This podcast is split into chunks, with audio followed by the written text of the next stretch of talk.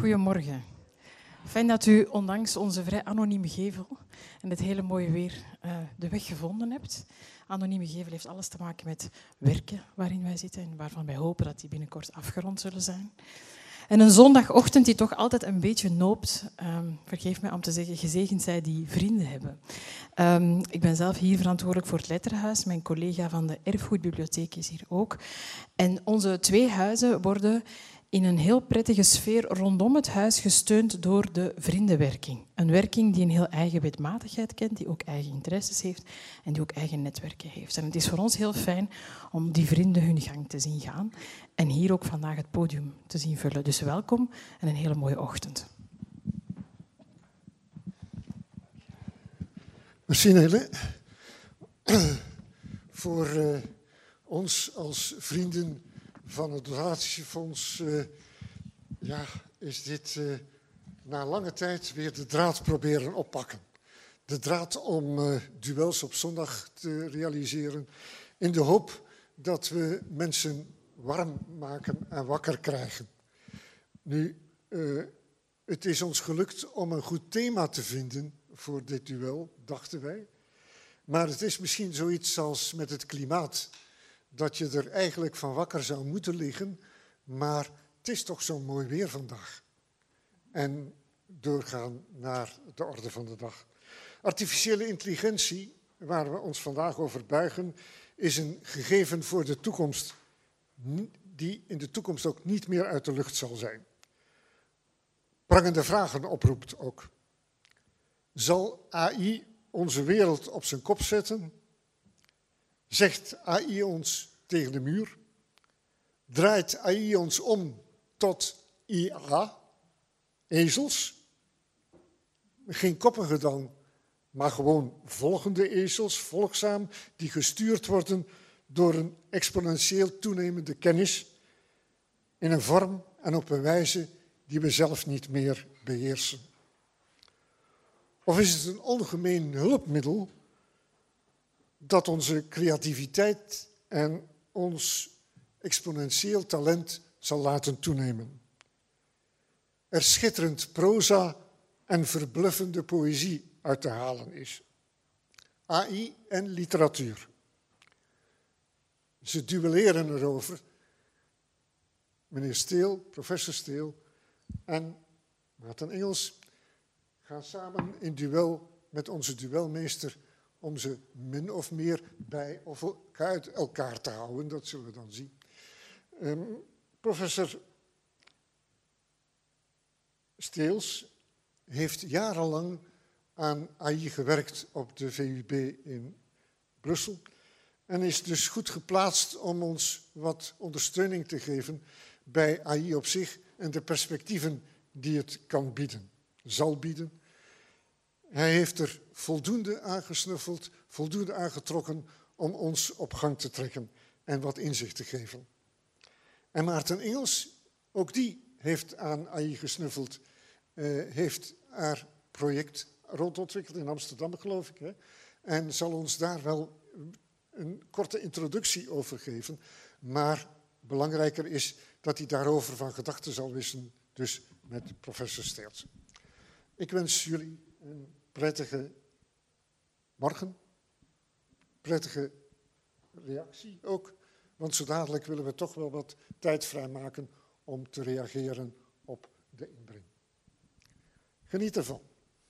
Bedankt voor jullie opkomst. Goedemorgen ook van mijn kant. Ik ben Bert Bultink, ik ben hoofdredacteur van KNAK. En heb het genoegen om uh, dit debat in goede banen te proberen leiden. Ik uh, uh, stel voor dat ik straks de sprekers nog wat uitgebreider toelicht. Um, het verloop van deze ochtend is redelijk helder. Uh, eerst zal Maarten, Maarten Engels, die als dichter uitgebreid heeft geëxperimenteerd met AI, een korte uiteenzetting geven, gewoon vertellen wat hij heeft gedaan. Um, daarna nodig ik beide sprekers uit naar het podium, licht ik hen, of stel ik hem nog eerder wat, uh, wat, wat verder voor en vraag ik aan uh, uh, meneer Steels om het concept AI wat breder toe te lichten. En dan kan het debat losbarsten. Omstreeks 12 uur hopen we daarmee af te ronden. En dan is het nog aan jullie. Dan hebben we nog een half uurtje voor wat vragen. Maarten.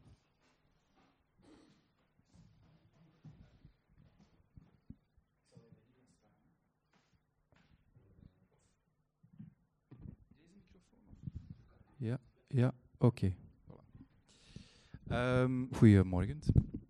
Ik ben dus Maarten Engels, ben schrijver en dichter. En um, ik had heen, uh, enige sceptisch over, uh, over AI en uh, de mogelijkheden om daarmee te schrijven. Ik denk dat Radio 1-reporter Wart Bogaert van het programma De Wereld van Sophie in januari bij mij in het atelier kwam met de vraag voor een reportage voor de radio of ChatGPT een gedicht kan schrijven. Hebben dat toen samen geprobeerd. Dat was helaas uh, een heel bedroevend resultaat. Dus ik had uh, enige reserves. Um, maar in mei van dit jaar kreeg ik ook de vraag van een designstudio in Amsterdam, Vouw.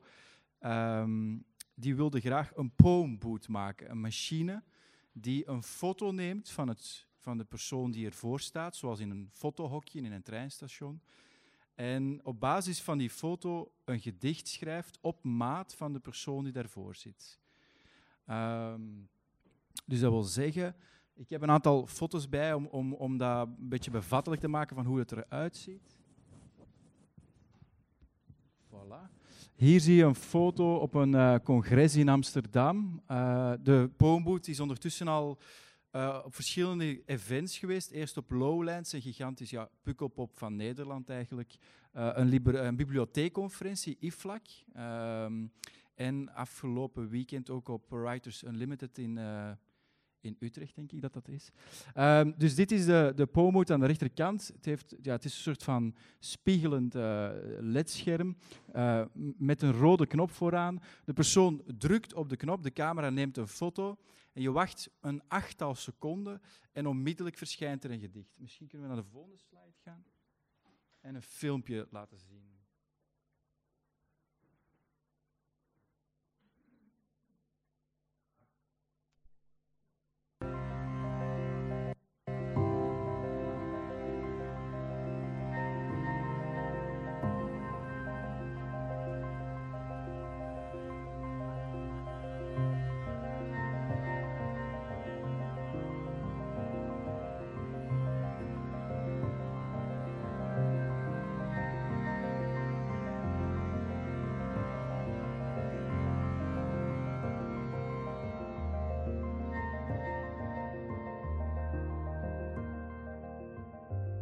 Geeft een korte impressie.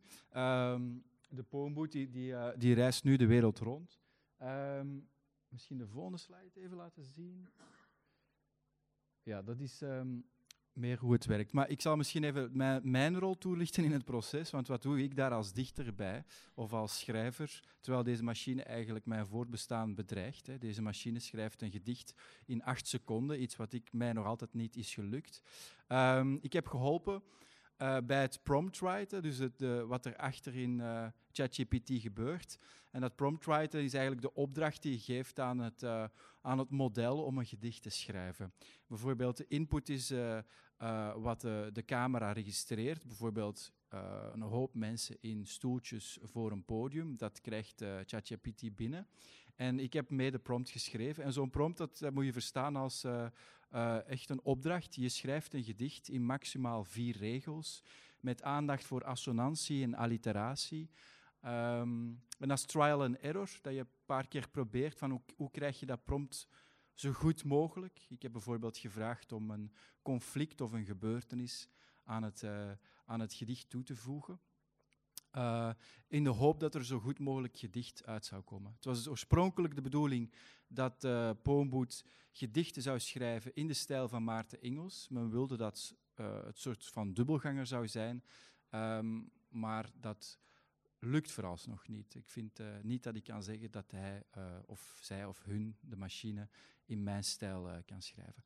Ik denk dat dat als toelichting genoeg is, want ik denk dat je tijdens het gesprek wel de, de valkuilen enzovoort wel eh, meer aan bod zouden komen. Voilà.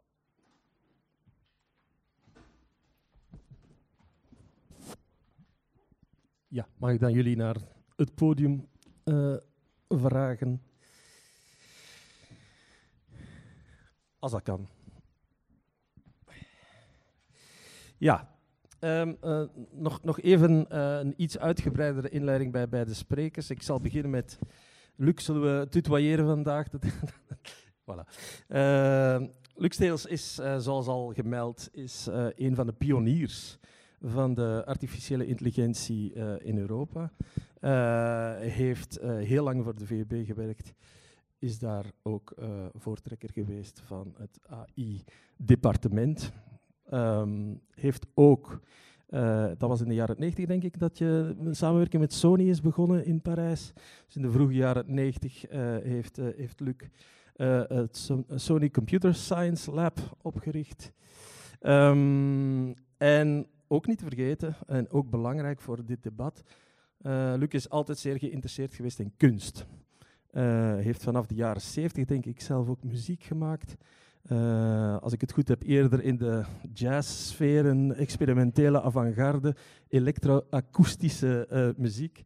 Uh, en dat is blijven duren tot, tot de dag van vandaag, als ik het goed heb. Heeft ook twee operas gemaakt, heeft meegewerkt aan theater. Dus ehm, de, de kruisbestuiving die we hier eigenlijk in het algemeen presenteren tussen AI aan de ene kant en kunst en schoonheid aan de andere kant, is iets dat in Luc zijn leven altijd een grote rol heeft gespeeld.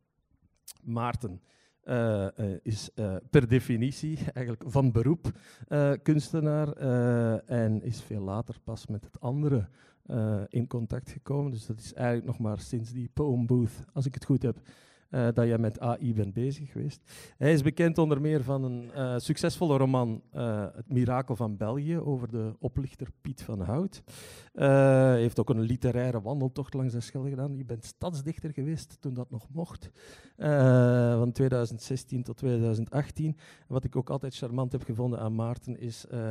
Jullie kennen de nachtwinkels van Antwerpen nog altijd, bijvoorbeeld op het Mechelsplein.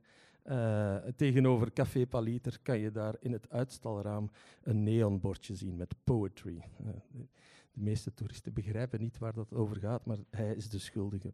Hij is ook initiatiefnemer geweest achter de eenzame uitvaart, iets wat heel ver van dit thema ligt, maar dat is dus uh, eigenlijk het initiatief waarbij mensen die eenzaam sterven, uh, de begeleiding krijgen uh, van een dichter bij de uitvaart, die dan ook een, een, gedicht dat speciaal voor de gelegenheid is gemaakt, voorlezen. Oké, dat is een, een, beetje de algemene toelichting. Nu zou ik graag het woord even aan Luc geven om te zeggen van, ja, wat is dat eigenlijk, artificiële intelligentie? Ja, um Oké. Okay. Um, ja, e eerst wil ik uh, de organisatie bedanken. Ik vind het echt fantastisch om hier te zijn voor een aantal redenen. Natuurlijk ben ik met, uh, zou ik zeggen, een zekere trilling in mijn benen hier binnengestapt in het Letterenhuis, de tempel van Vlaamse literatuur. Uh, ja, de meeste mensen denken misschien, ja, dat is die techneut of zo die hier komt uh, een uitleg geven over AI. Maar dus, uh, ik ben eigenlijk begonnen uh, met Germaanse te studeren hier op UCA. En dus toen was er, ik spreek over 1970 of zo, toen was er natuurlijk nog geen sprake van AI. Wel, hier toch in elk geval niet. Er waren ook geen computers en zo. Maar dus het is, het is wel hier in Antwerpen, ja, daarna op UA en zo, dat ik uh, gebeten ben geweest door uh, AI. En een beetje toevallig, uh, maar dan begonnen en dan ja, ben ik naar Amerika gegaan, op MIT gaan studeren enzovoort. nu, het fantastische van Antwerpen, ik zal even positieve dingen zeggen over Antwerpen. Ik, ik weet dat dat We kunnen het gebruiken. het publiek altijd heel goed werkt. dat is dat eigenlijk de verschillende disciplines hier konden interacteren. En dus de, ja, ik zat dan wel in, in talen, ik was dan meer in taalkunde gegaan eigenlijk. Uh, maar inderdaad, die, die contacten met uh, de visuele kunsten, hè, de academie die hier ook vlakbij is. Dus uh, kunstenaars zoals Annemie van de Kerkhoven bijvoorbeeld, is mijn ja, vriendin, zal ik zeggen, van, van toen al. Uh, maar dus ook in, in muziek, in, in ICC in Antwerpen was er van alles mogelijk. Uh, ook voor theater uh, in de Wolstraat, hier ook achterhoek. Dus als ik hier rondloop, is dat met de grote nostalgie van wat hier allemaal mogelijk was. En ik denk dat er nog altijd veel mogelijk is. Ik heb gekeken naar het werk van, van Maarten. Ik vind dat fantastisch. De creativiteit hè, die, die, die uit zijn werk komt en, en de interacties ook niet alleen blijven binnen de, de dichter die met zijn pen op een zolderkamer, uh, misschien zonder verwarming ook, want gedichten brengen niet zoveel op. Oké. Okay. Uh, en zitten schrijven, ja, dat idee is natuurlijk al, uh, maar dat is zeker voor hem niet het geval. De openheid ook om met technologie aan de slag te gaan en zo. Enfin, er is allemaal veel te zeggen over die, die periode. En, en, maar we gaan het hebben over AI. Ja.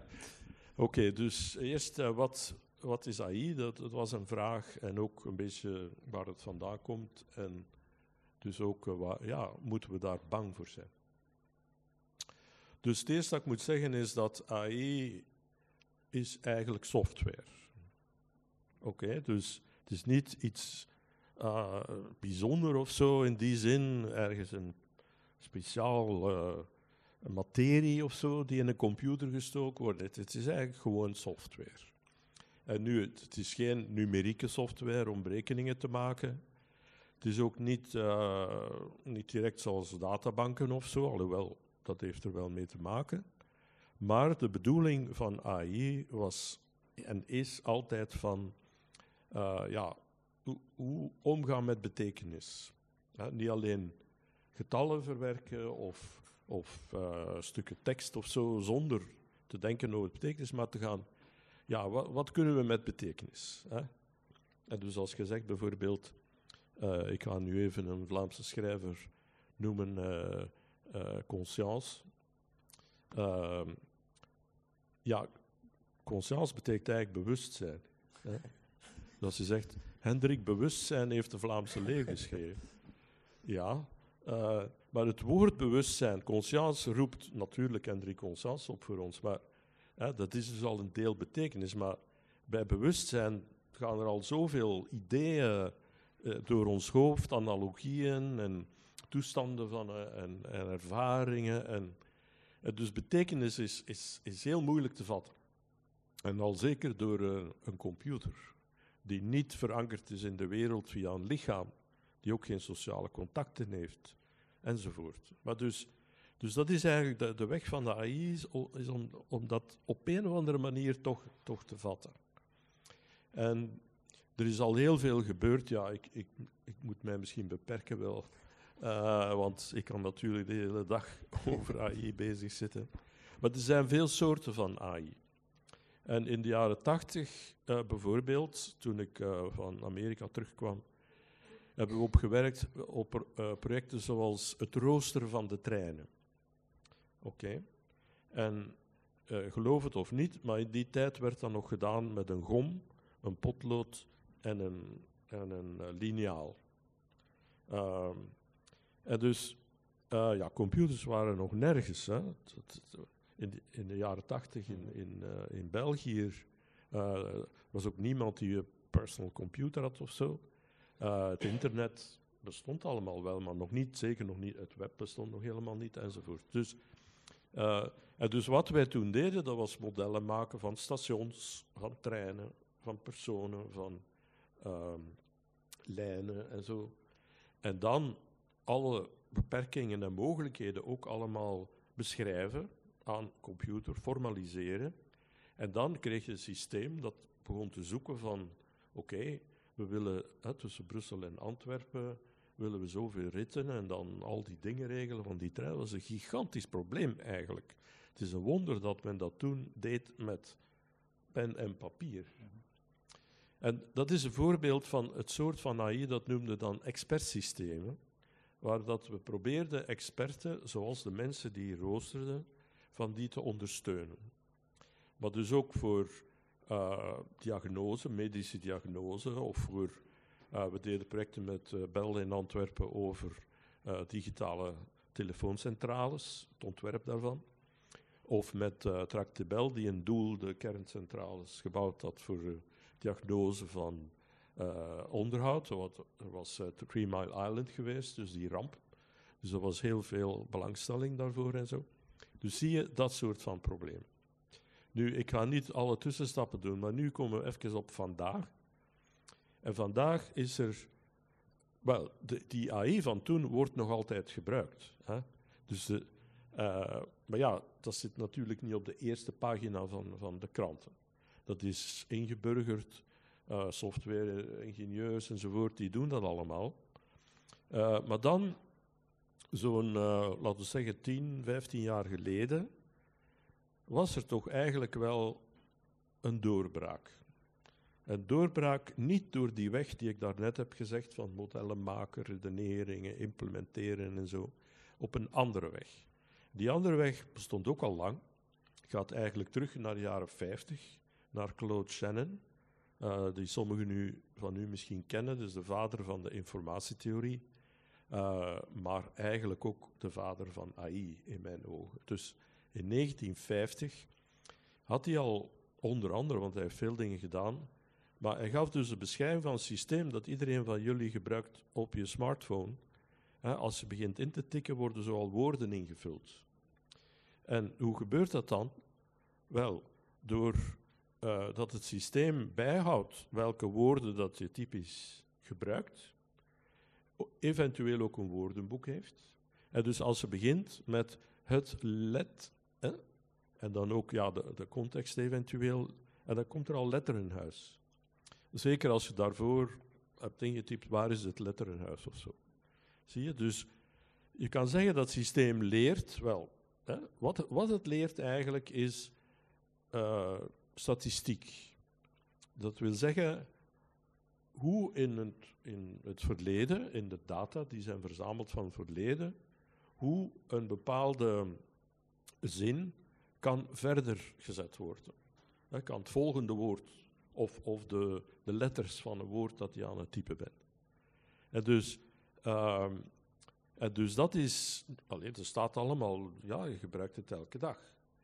Uh, soms loopt het heel erg mis, wat dikwijls eigenlijk, want als je uh, Nederlands intikt en dan ineens worden er Engelse woorden van gemaakt enzovoort.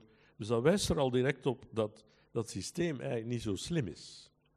Uh, het gaat gewoon over het vervolledigen van, van woorden die er zijn. Nu, wat is er gebeurd? Wel, ten eerste, dat maken van statistische modellen gebeurt door de computer zelf. Dus als je veel data ingeeft, hoe meer data eigenlijk, hoe meer dat het door een statistisch proces kan zeggen, ah ja, voor het woord letteren, huis. Oké? En op die manier uh, zal ik zeggen, de, betere en betere statistische modellen maakt. En dat zijn dan die neurale netwerken, uh, maar geïnspireerd op het brein, zeker geen modellen van het brein, maar er zijn dus ingenieuze manieren om, om zo'n model te maken en te gebruiken. Dat is al één.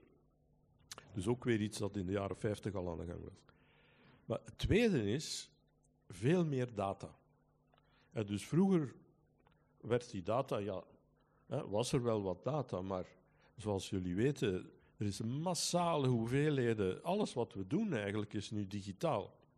Dus dat is allemaal beschikbaar voor, hè, als je eraan geraakt, voor die algoritmen om dat statistisch model te gaan bouwen.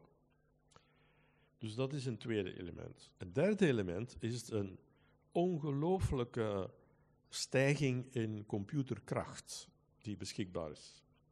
Dus uh, ja, in de tijd al op de UIA, als ik begon met, met computers, we spreken over 71 of zo, was er een computer. Wauw. Uh, één computer voor de hele universiteit. En dat was nog met ponskaarten en zo. Dus je kreeg, en je had zo'n bak met ponskaarten. dat, dat ding ging uh, in de machine, deed iets, ah, fout. Dan je ergens een komma vergeten of zo.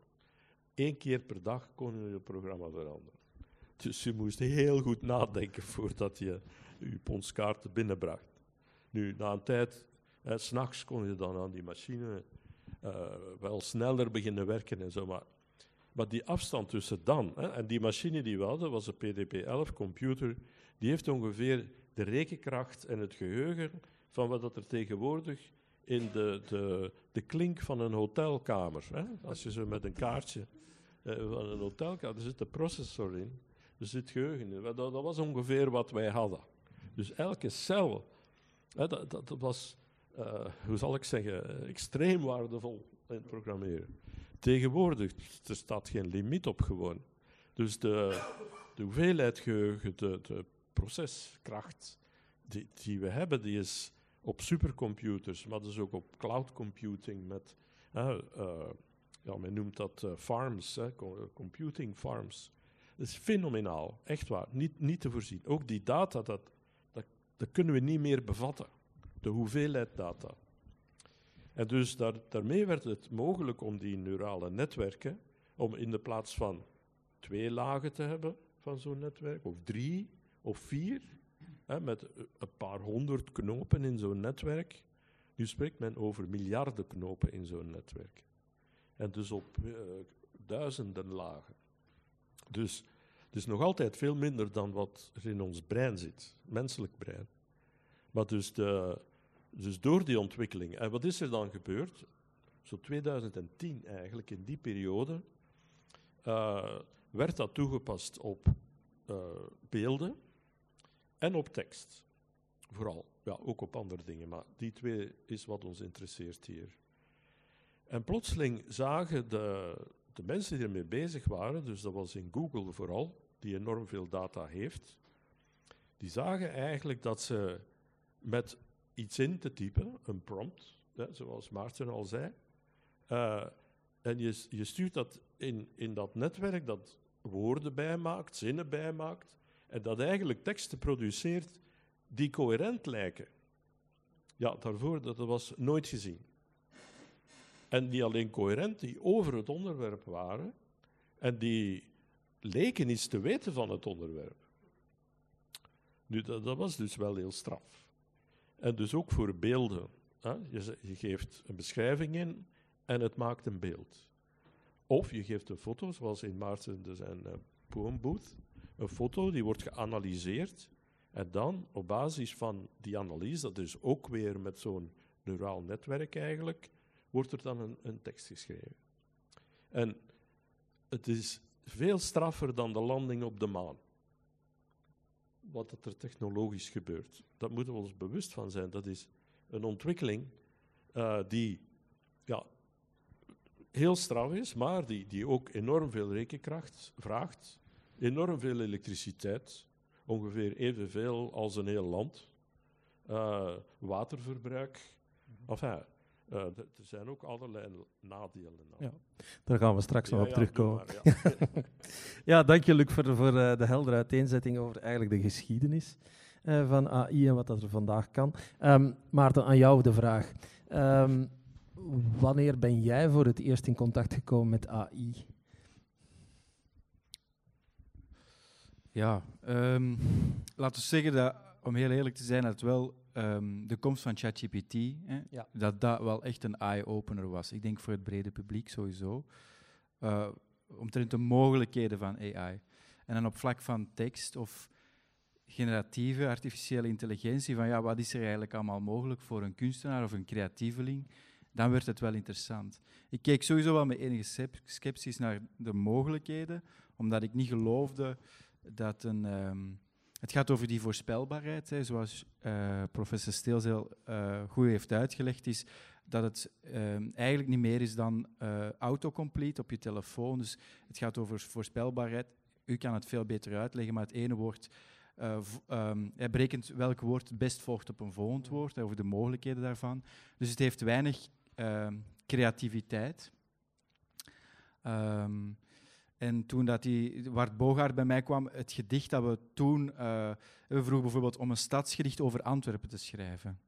En ik heb, uh, ik heb het wel mee, want het is eigenlijk veel te grappig om een idee te geven wat AI dan uh, eruit haalt. Um, dat klinkt dan zo. In het hart van Vlaanderen, aan de Scheldebocht, ligt Antwerpen, stad van kunst en pracht, een plek waar verleden en toekomst samensmelt. De kathedraal rijst op met torenspits trots, een gotisch meesterwerk, hemelhoog en klaar. Ehm, ja, dat is verschrikkelijk. Ehm, maar misschien als de stadsdichters zoiets hadden geschreven, dan, was het, dan bestond het project nog. Ehm, dus ik had er weinig goed, uh, goed, oog op. Maar alles ligt hem in het, in het, in het prompt writen. Dat is echt een vak apart geworden. Um, en dat heb ik dus de afgelopen maanden wel heel intensief geleerd met die design studio. Ik heb met die softwareontwikkelaar naast mij in Amsterdam echt ge, geoefend op dat, op dat prompt. Um, ja, uh, ik heb bijvoorbeeld ook advies ingewonnen bij iemand die uh, aan de KU Leuven uh, doctoreert op uh, generative AI, Thomas Winters, um, waar ik eerder al had mee samengewerkt. En die zei bijvoorbeeld, ja, je moet aan AI zeggen dat je een wereldexpert bent. En waarom? Omdat als je zegt aan AI, um, als je gewoon vraagt aan AI, aan ChatGPT, schrijf een gedicht, dan gaat hij alle databases af en op basis daarvan een gedicht schrijven. Maar dus ook alle slechte alle websites met slechte gedichten, want die bestaan natuurlijk ook. Dus dan krijg je dat soort van rijmelarijen. Maar als je zegt, uh, je bent een wereldexpert in je vak, in de poëzie bijvoorbeeld, dan zou ChatGPT meer gaan kijken naar gespecialiseerde websites en naar goede poëzie. Uh, en effectief, het, het, het, resultaat was opmerkelijk beter als je zei, um, je bent een wereldexpert in poëzie en je hebt meerdere prijzen, literatuurprijzen gewonnen in binnen- en buitenland. Dan werd het, uh, het resultaat opmerkelijk veel beter. Um, dus dat is één element. En zo hebben we verschillende keren trial and error geprobeerd om eigenlijk een, uh, ja, een zo goed mogelijke opdracht te geven om een zo goed mogelijk gedicht te, ge uh, te krijgen. In eerste instantie een gedicht dat op basis van mijn stijl is. Dus we hebben het wel ook weer gevoed met mijn gedichten. Dus we hebben gezegd van ja, kijk, uh, um, dit is de situatie. Bijvoorbeeld, ik heb eens een gedicht over de lente in de stad geschreven, dus dat is dan de invoer. Um, ik heb dan moeten beschrijven wat is de redenering, hoe zou ik te werk gaan, uh, welke redenering zou ik volgen om daarover een gedicht te schrijven. Dat schrijf je helemaal uit. Bijvoorbeeld bepaalde associaties die ik zou leggen als ik persoonlijk als uh, kunstenaar. En dan, welk gedicht heb ik daarover geschreven in het verleden? En dat, dat geef je allemaal in in Dat prompt. geef je allemaal in Ja. in prompts, Ja. Waardoor dat hij, hij zeg ik nu, maar waardoor dat uh, uh, ChatGPT een idee heeft van hoe dat mijn productieproces verloopt. En op basis, dat heeft Thomas Winters mij geleerd, je moet hem eigenlijk aanleren uh, op een bepaalde manier te redeneren, zoals, zoals ik eigenlijk, redeneren zoals ik. Om echt een zo kan goed je daar een voorbeeld van geven, van, van een soort van prompt dat je dan geeft? Is dat dan van... hier afgeprint. Maar het prompt zelf is, op de duur wordt dat allemaal langer en langer en langer. Dus je begint, uh, um, eerste instantie uh, moet ik mezelf omschrijven. En je bent een dubbelganger van de dichter Maarten Ingels. Um, ja, dat is een beetje raar om over mezelf op die manier te spreken. Het voelt, voelt een beetje als een recensent. Maar we hebben bijvoorbeeld ook eerst gevraagd aan ChatGPT 4, of 3 was het toen nog, um, wie is Maarten Ingels? Omschrijf de stijl van Maarten Ingels. En die, die, die uh, AI kon gewoon iets vertellen over mijn werk. Natuurlijk, die schraapt dat bij elkaar Ja. van de website van Knak. De website en van de klopte Standaard. dat? Herkende je dat? Ja, ja. Bijvoorbeeld, zei van, uh, dus dat, en dat gebruiken we dan weer in die prompt. Je gebruikt een persoonlijke, emotionele toon in plaats van een afstandelijke of moraliserende toon. Je schrijft over maatschappelijke thema's. Uh, de focus op het stedelijke leven, menselijke relaties, de vergankelijkheid van tijd. Um, je schrijft over situaties die je alledaags kan noemen, maar je geeft daar een onverwachte draai aan door details uit te vergroten en in een absurde context te gebruiken. Dus dat zijn elementen die ChatGPT over mijn werk schreef en ik kan mijzelf daarin herkennen. Dus daar hebben we dan gebruikt van, ja, oké, je, moet dat- je moet op die manier poëzie schrijven. Ik heb daar nog elementen aan toegevoegd. Ik heb bijvoorbeeld gezegd, je gebruikt gebruik van veel metaforen, alliteratie en ritme. Uh, zeer expressie- expressief en emotioneel taalgebruik. Ehm, wat heb ik nog gedaan? Ah ja, toegankelijke moderne toon. Ehm, ik, ja, dus dan die redeneringen, daar wou je een voorbeeld van. Oké, ik, heb, ik heb een gedicht geschreven over de lente in de stad. Uh, en een dichtregel daaruit is, dat was een stadsgedicht voor, de, voor Antwerpen. Eén dichtregel daaruit was, als wij allemaal simultaan in dezelfde richting krachtig niezen, schuift de stad misschien een eindje op. Dus uh, dat is een onverwachte gebeurtenis, een onverwacht... Uh, ja, je, je vergroot één detail uit. Hè. Dus als we nu allemaal zouden niezen, dan zou de stad opschuiven. Dat is een absurd beeld. Um, de invoer in de prompt, bijvoorbeeld de Poomboe trekt een foto, hij ziet allemaal lachende mensen, want jullie hebben net gelachen, dus hij neemt een foto, lachende mensen. Hoe zou ik een gedicht schrijven?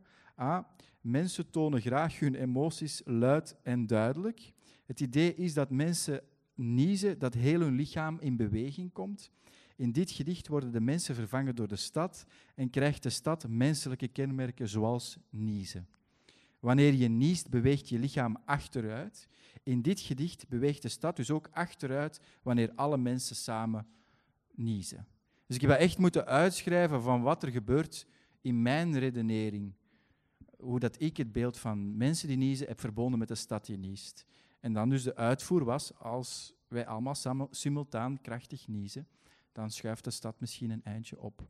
En dus die redenering hebben we tien keer gemaakt. Dus met tien verschillende gedichten van mij, tien verschillende redeneringen. Dus iedere keer uitgelegd eigenlijk. Iedere keer helemaal uitgelegd van hoe zou ik een gedicht schrijven. En dat heeft ook opmerkelijk heel erg geholpen in de kwaliteit van de poëzie. Uh -huh. Maar vooralsnog kan ik niet zeggen dat uh, uh, ChatGPT, dat, dat de Poemboot gedichten in mijn stijl schrijft. Omdat, en daar komen we misschien straks nog over terug, want dat vind ik heel erg interessant, het is veel te onvoorspelbaar, mm -hmm. het eindresultaat. Maar nog even over die prompts. Um, wat we ook hebben gedaan is, um, ik heb gevraagd om altijd de personen aan te spreken in de gebiedende wijs omdat ik ging voor de ervaring. Dus als je voor zo'n poemboot staat en je krijgt dan een gedicht op dat scherm en die spreekt jou aan, dan maakt die ervaring veel directer, emotioneler. Um, je voelt je veel meer verbonden. We vroegen om het uh, gedicht in maximaal vier regels te schrijven. Ik vroeg om een verrassende gebeurtenis of een conflict toe te voegen. En wij hebben, we zijn mee met onze tijd, we hebben de machine genderneutraal gemaakt. Ja. Dus, uh, en we willen niemand uh, in deze tijden uh, beledigen of offenden. Ja. en, en dus de, de, de, machine gebruikt, de poomboot gebruikt nooit geslachtskenmerken. Oké. Okay. Het lag misschien iets te zeer voor de hand, maar ik kon er toch niet aan weerstaan om vanochtend een ChatGPT in te geven. Ik moet straks een debat modereren met Maarten Engels en Luc Steels over AI en kunst. wat zouden goede vragen zijn? Ehm, dat was niet helemaal bruikbaar, omdat dat oh, bon, te veel variaties was op, op één vraag eigenlijk. Maar een goede openingsvraag vond ik toch van, hè, je verwees er net al naar, creativiteit. Luc, wat, is dat? Is wat Maarten hier heeft gedaan met Poem Booth en wat eruit komt, is dat op een of andere manier te vergelijken met menselijke creativiteit? Uh, je bedoelt de of dat ja, dus, computer, ja, ChatGPT. Ja. Maar nee, dat denk ik dus niet. Nee. Uh, want ja, hij is degene die, die het aanstuurt. Uh, dat is zoals, ik weet niet wat, een schilder die, die met verf of zo, of, of met Adobe Photoshop, een kunstenaar die bezig is. Het is niet Adobe Photoshop die, die de creativiteit of, of de kunst aanbrengt. En um, ja, ik zou zeggen, ja, gaat dat dan ooit gebeuren? Uh -huh. Hè? Misschien als ChatGPT 27 of zo. Uh, het, het is het. Want, uh, zo, Adobe, die hebben nu al um, modules gemaakt, allee, programma's gemaakt waarbij bijvoorbeeld, maar opnieuw, de kunstenaar moet eerst, of de designer moet eerst een klein, uh, zeg maar iets, een bloem tekenen. En AI erachter in Adobe vult dat dan helemaal aan en begint daarop verder te borduren. Maar je hebt altijd natuurlijk de menselijke hand in eerste instantie nodig. Maar is dat dan niet een... Ja, maar het is zoals bij, bij uw werk, met die, met die gedichten eigenlijk. Ja, het is wel zo dat je minder moet ingeven, of dat er veel meer wordt ingevuld. Maar het blijft een soort van invullen. En je moet toch ook allerlei keuzen ook geven van kleuren of van vormen of, of, of het basisbeeld waar dat je van vertrekt. Mm. Zeg, het moet een paard zijn of zoiets. Dus eh, ja, ik, ik probeer een beetje op de, de rem te staan. Van het, ik, het enthousiasme is begrijpelijk.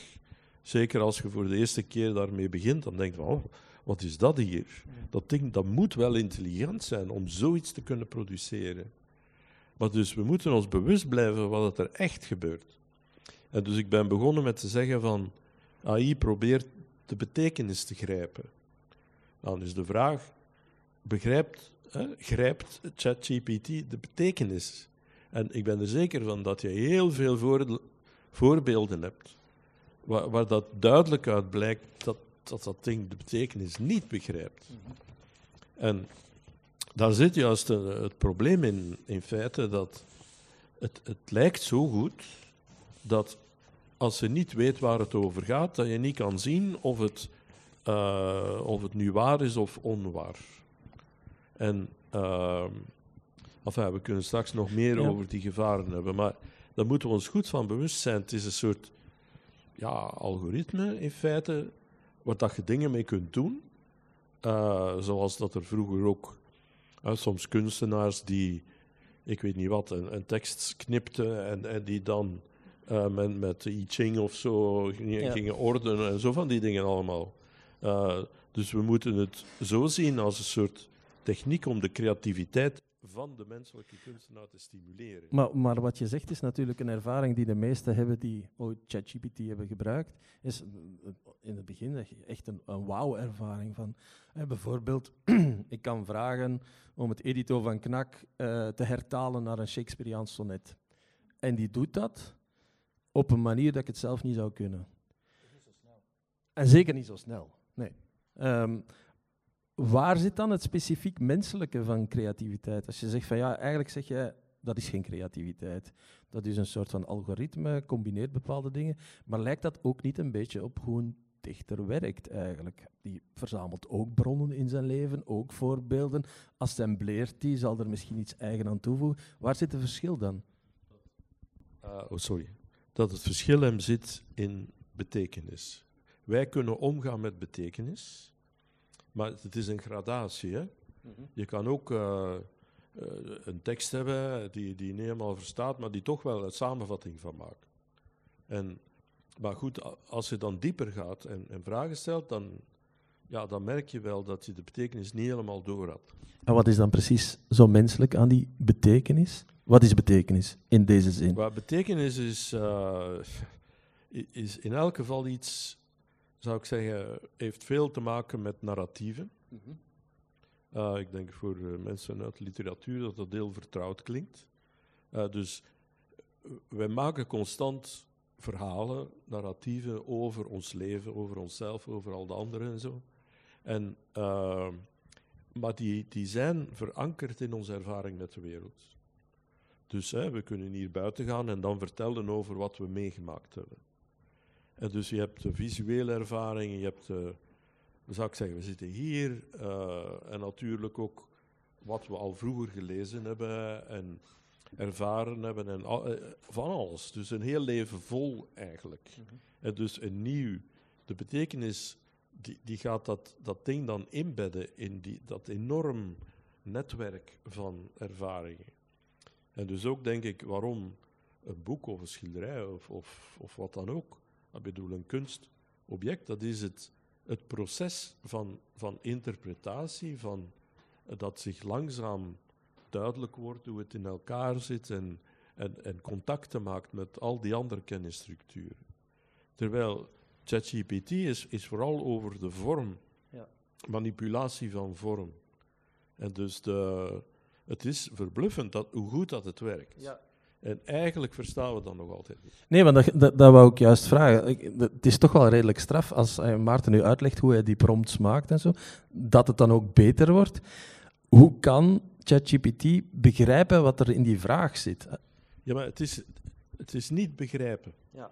Uh, nee, wat er gebeurt is in feite dat er context is. Dus de context die ook met woorden, hè, dat is de prompt, geeft een soort context. En dus als het volgende woord voorspeld wordt in een zin door ChatGPT, dan is dat niet alleen op het woord dat er vlak voor kwam, Maar dus op een hele reeks woorden die daarvoor komen, dat is alleen. En ten tweede ook over een soort van context die is gegeven. Dat zou zijn, ja, al simpelweg is, uh, ook, ook op uw telefoon, als je zegt uh, Engels of Nederlands.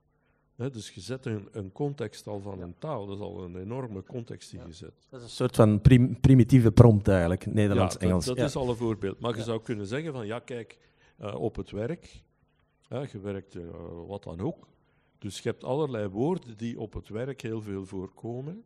Maar als je dan in een uh, privé-sfeer of zo, dan heb je andere woorden die veel meer voorkomen. Of, of een naam of zo van iemand. Um, en dus, dus zit hem in de context. En dus wat je doet met, met die prompt, dat is context genereren, die dan een additioneel argument is voor het systeem. Allee, argument in de zin van, ja, van een functie die een argument heeft, een parameter, hè, die, die dan beperkt wat, wat er gaat als voorspelling komen van, van de rol.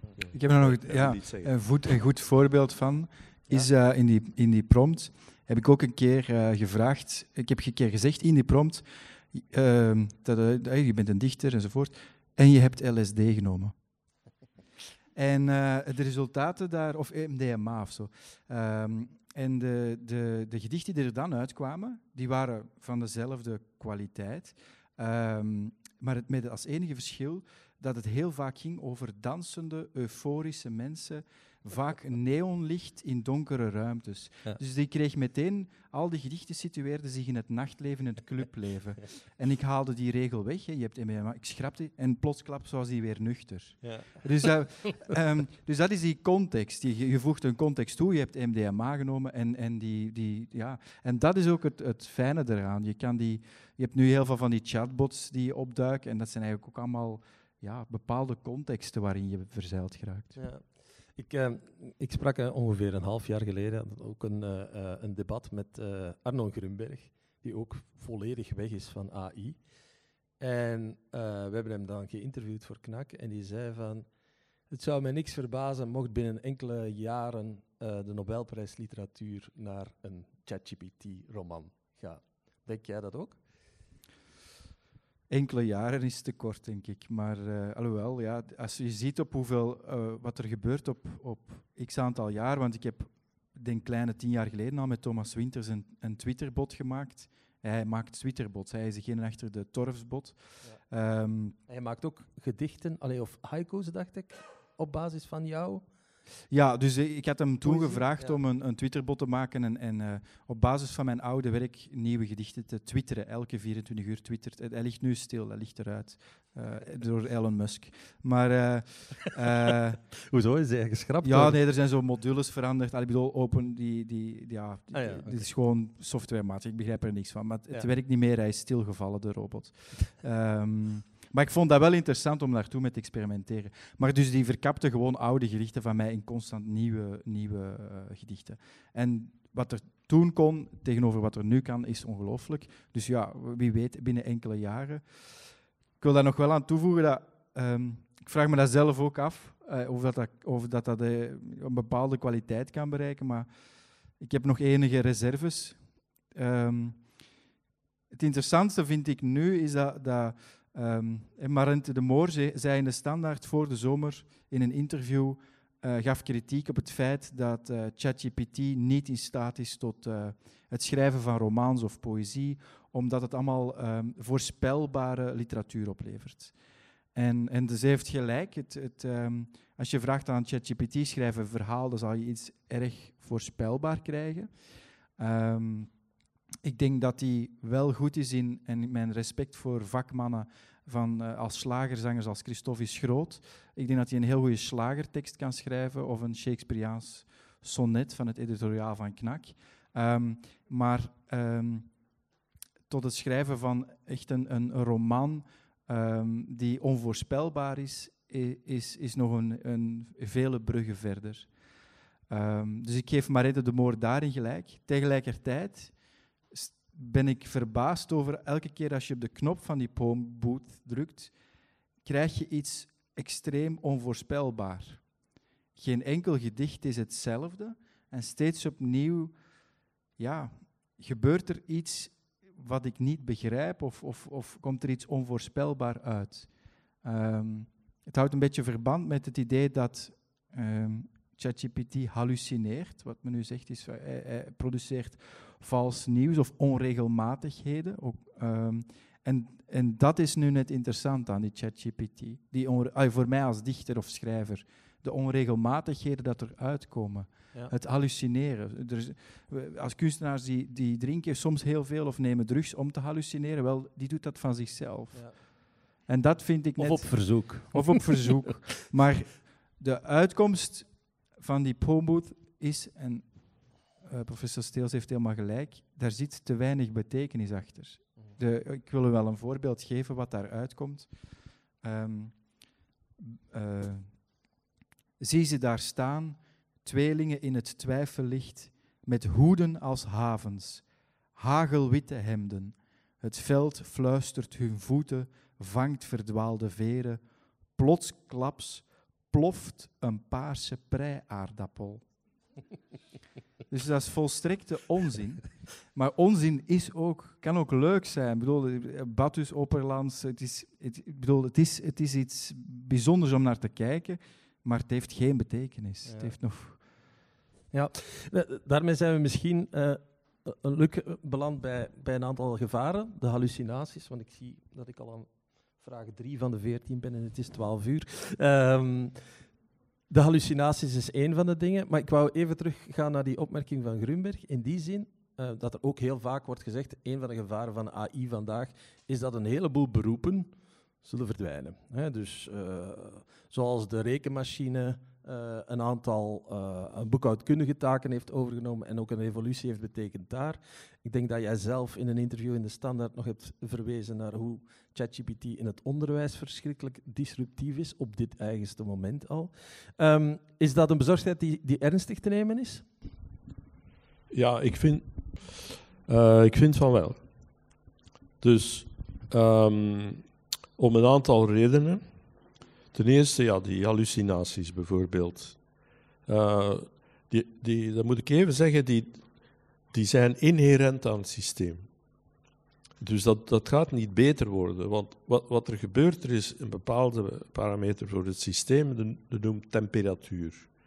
En dat is een soort van uh, toevalligheidsfactor die erbij komt, zodanig dat niet de beste keuze om iets in te vullen gegeven wordt. Er wordt zo meestal wel, maar dat is die temperatuur. Dus je kan zeggen meer random of minder random. En dus hoe, hoe minder random, hoe meer dat het exact is. Wel, vol, maar exact volgens de data die er ingestoken is. Hè. Dat wil nog niet zeggen waar. Ja. En, en waarom is dat zo? Omdat als, als die, die temperatuur er niet zou zijn, dan zou er gewoon stukken uitkomen die in de data zaten. Dus om creatief over te komen of anders te zijn, om te doen alsof dat het zelf iets doet, heb je die factor erbij. En dus nu, voor, voor als we het hebben over het onderwijs, dan lees ik uh, van onder andere KNAK.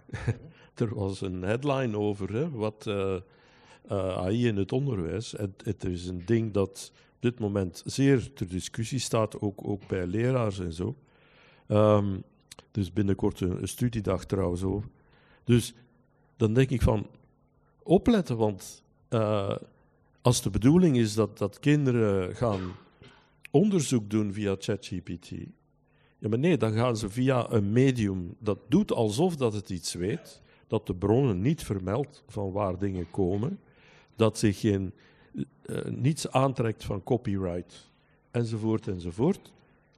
Ja, is het dat wat kinderen moeten leren? Maar ik vind van niet. En een probleem is, zoals bij, bij rekenen, hoeveel mensen hier kunnen nog hoofdrekenen?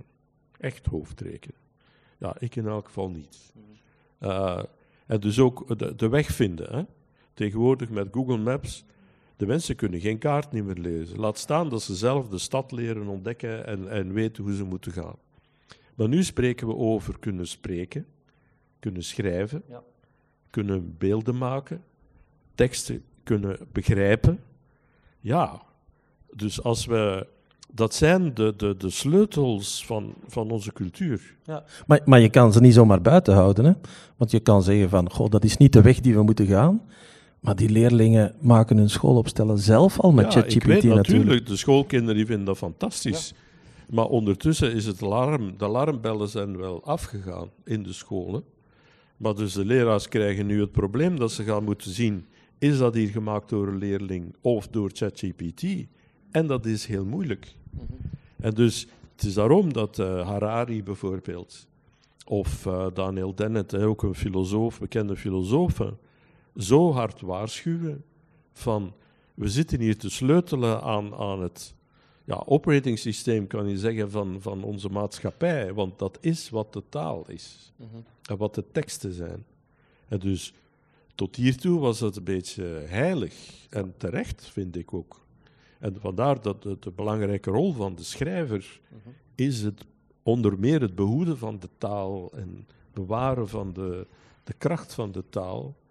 En dus als je die systemen hè, de vrije loop laat, laat, laat ik zeggen, dan, dan verminder je ook de middelen die er zijn voor schrijvers om hun teksten te maken enzovoort, voor journalisten. Ja. Hè, er zijn al, al kranten die eh, gebaseerd zijn op eh, ChatGPT geproduceerde artikels op Spotify. 30% van alle muziek is al AI gegenereerd. 30 procent? Ja. Wauw. Dus dat wil zeggen, dat zijn bedrijven nu die puur met de stem en Ja. de, hè, de melodieën en ik weet niet wat nog, die dus ook diezelfde technieken gebruiken om eh, muziek te, te produceren. Eh, Oké, allemaal goed, maar eh, zie je dat, dat daar toch iets in het gedrang komt? En dat is de, de menselijke ja, middelen voor, voor degenen die schrijven, die creatief zijn. Maar dus ook voor de mensen om die muziek te kunnen horen, die, die zal ik maar zeggen, de echte muziek, de Ja. menselijke muziek. Maar ik denk dat het, ik ga daarop inpikken, ik denk dat het menselijke eh, contact veel meer waarde gaat krijgen. En dus dat, ik bedoel, een onderwijzer zal door middel van een gesprek een boek gaan bespreken in plaats van een schriftelijke paper. En ik denk ehm, dat, we elke, ja, dat we elke schriftelijke communicatie kunnen wantrouwen in de zin van, is het, komt het van eh, AI of komt het van een echte mens? Dus een, een menselijk contact gaat veel belangrijker worden, op een bepaalde manier. Ja. En dus ook bij kunst ga je een soort van ja, water. eh, Vandaag zie je nu al dat, dat de relatie tussen de maker en het gemaakte ah, veel belangrijker is geworden. Als je een boek schrijft, wil de journalist weten, heb je het echt, is het echt meegemaakt? Of de, de maker is veel belangrijker geworden dan vroeger eh, in relatie tot de gemaakte. En dat gaat nog aan, aan, volgens mij, nog extra winnen. Als je in zo'n zee van door AI geproduceerde dingen, gaan de, de ware kunstenaars of de mensen van vlees en bloed, die gaan hopelijk, hopelijk eh, aan belang winnen. Ja, want je, je kan je voorstellen dat, eh, dat er ook robots worden gemaakt die heel levensecht aandoen. En die dus ook heel die ervaring van een persoon die daar zit. Die een Maar ja, daarom was het van mij ontzettend dom om mee te werken aan die poemboot. Omdat dit is nu nog, oké, dit is nog een gebrekkige poemboot in de zin van eh, de, de onzin dat eruit komt. Maar binnen tien jaar is die poemboot wel eh, Veel weer beter. veel beter geworden. Ja, want dan zitten we aan GPT 25. Als, als, als- er is heel veel ehm, debat gaande over de gevaren van AI. Heb jij dat ook? Zie jij daar ook gevaren in? Ben jij bang als je ChatGPT gebruikt? Nee. Ehm, in, ik heb het al zelf gebruikt ten goede. Bijvoorbeeld ehm, bij redactie van een tekst. Ik heb eens gevraagd, ik had een gedicht geschreven voor de gids, gevraagd aan eh, ChatGPT, wat kan ik nu beter doen aan dit gedicht? En die gaf tien suggesties en ik heb daarvan zeven of zo overgenomen. En drie waren niet, vond ik niet bruikbaar, maar... ehm, dus in redactie zie ik wel eh, mogelijkheden. Dat heeft dan ook weer gevaren. Ik ik heb liever een menselijke redacteur dan een eh, computerredacteur. Maar ik denk dat dat in, het, in de uitgeverswereld wel gebruikt zal worden. Ik denk ook in de bibliotheekwereld voor het catalogiseren. Ehm, maar je zal altijd nog wel dat menselijke, die menselijke factor willen hebben in het contact, denk ik, hoop ik. Ik zie wel, eh, wat ik wel voor vrees is dat mensen, we hebben dat nu gezien op die festivals, en die designstudio is hyper enthousiast over die Poembooth, maar mensen, ja, ze heeft een enorm succes, die Poomboot. 600 mensen die op zo'n festivaldag op die rode knop rammen om er het een na het andere gedicht uit te krijgen. Het devalueert wel de poëzie, in de zin dat, dat mensen het idee krijgen dat dit een gedicht is. En, en dat is wel... ehm, en ze drukken op die knop en ze gaan iets drinken en ze hebben zoiets van, dit is nu poëzie. De- het heeft een soort van twitterisering van de literatuur. Ehm, ja, ik ben zelf wel een heel moderne dichter, zal ik maar zeggen. Dus ik vind het ook wel heel interessant om hiermee aan, aan mee te werken en over na te denken en mee te schrijven. Maar het staat mijlenver. Ik las vanochtend, voordat ik naar hier kwam, het interview met Hertmans in de Standaard. Er zijn verzamelde essays in twee delen. Ja, er, er dat is echt een continuum daartussen. Hè. Dat, dat, dat, dit is echt de twitterisering van de literatuur. Ik denk dat iemand als Hertmans, die dan heel zijn leven lang eh, al eh, schrijvend, eh, gedacht, eh, schrijvend gedacht heeft, is dit de horror, denk ik. Luc, want ik denk dat we zo meteen ja, toch eh, naar de zaal willen. Eén vraag nog over die gevaren, omdat het jou ook eh bezighoudt. Ehm, een aantal mensen, we hebben het daar net al over gehad, hebben een tijd geleden een brief geschreven om te vragen aan OpenAI en andere AI-bedrijven om zes maanden te stoppen met het voeden van die modellen. Niet te stoppen met nadenken erover, maar te stoppen met het voeden van die modellen met data omdat die exponentieel beter aan het worden zijn en omdat dat gevaarlijk zou zijn. En een van die mensen, eh, eh, eh, Max Tegmark heet die, die op MIT zit ook, waar, waar jij zelf hebt gestudeerd vroeger.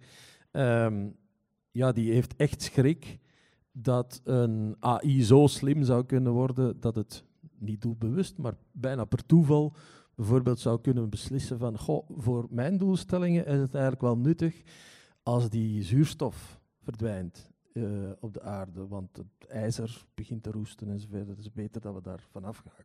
En dat zo op, op één moment de mens wordt eh, weggewist.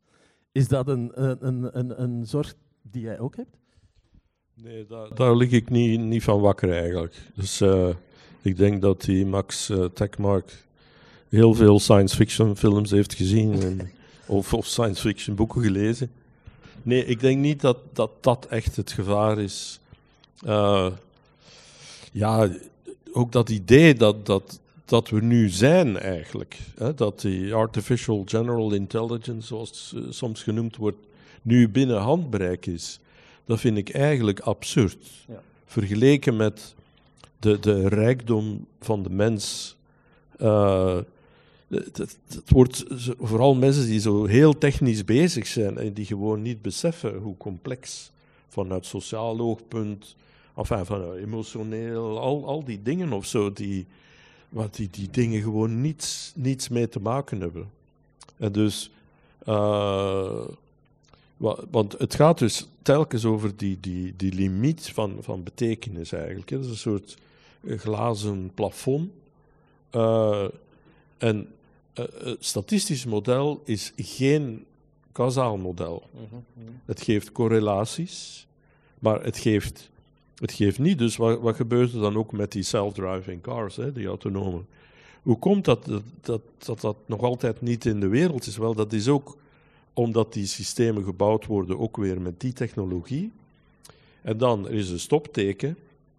Er is iemand die daar een klein stukje tape over plakt. En plotseling wordt dat gezien als eh, 60 km per uur of, zo, of zoiets, of een ander teken. Waarom? Omdat dat systeem is gevoelig voor eigenschappen van het beeld of van de taal, van een stuk tekst, die wel heel goed werken in voorspellende kracht, maar die niets te maken hebben met de betekenis van dat ding. Ja. En dus, ik denk dat, eh, en ik hoop eigenlijk dat na, na die hype en, en het enthousiasme, en ik vind het allemaal eh, prachtig wat, wat Maarten doet en zo, eh, dat is echt, echt interessant. Maar dat er dan een, een beetje bezinning komt. En dat, dat we ons realiseren van, ja, maar wacht een keer. Het, het aantal problemen dat er ontstaat is, is te groot. En ook dat mensen ervaren, ik weet niet of dat ik maar er is bijvoorbeeld eh, eh, in, in het gebruik door advocaten van de ChatGPT, hè, die een, een casus voorbereiden voor eh, de rechtbank. En ja, ChatGPT die hallucineert allerlei andere gevallen om, om, om te argumenteren waarom die, die man moet vrijgesproken worden of zo. Ja. En de rechtbank, gelukkig, die zeggen, ja maar die dingen bestaan gewoon niet, die vorige gevallen. Maar dat is omdat de rechtbank nog altijd mensen zijn die Ja. kunnen het ding lezen. Veronderstel dat die rechtbank ook getraind is met ChatGPT en dat soort van technologie. Ja. Dan passeert dat. Ja. Dus dat, dat denk ik is het gevaar, dat wij te veel vertrouwen geven en, en door onze eigen competentie niet te ontwikkelen, in feite na een tijd niet meer gaan zien eh, wat, wat dat echt is en niet echt. En het, het is een beetje zoals, zoals eten eigenlijk. Dat je eh, de voedselindustrie produceert synthetisch van dit, synthetisch van dat. En op den duur een, een echte kip of een tomaat, een natuurlijke tomaat, ja, die is er gewoon niet meer. Het is allemaal eh, bewerkt en, en ge- ma- eh, genetisch gemanipuleerd en zo. Dus zie je, het, is- dat is voor mij het gevaar. Oké.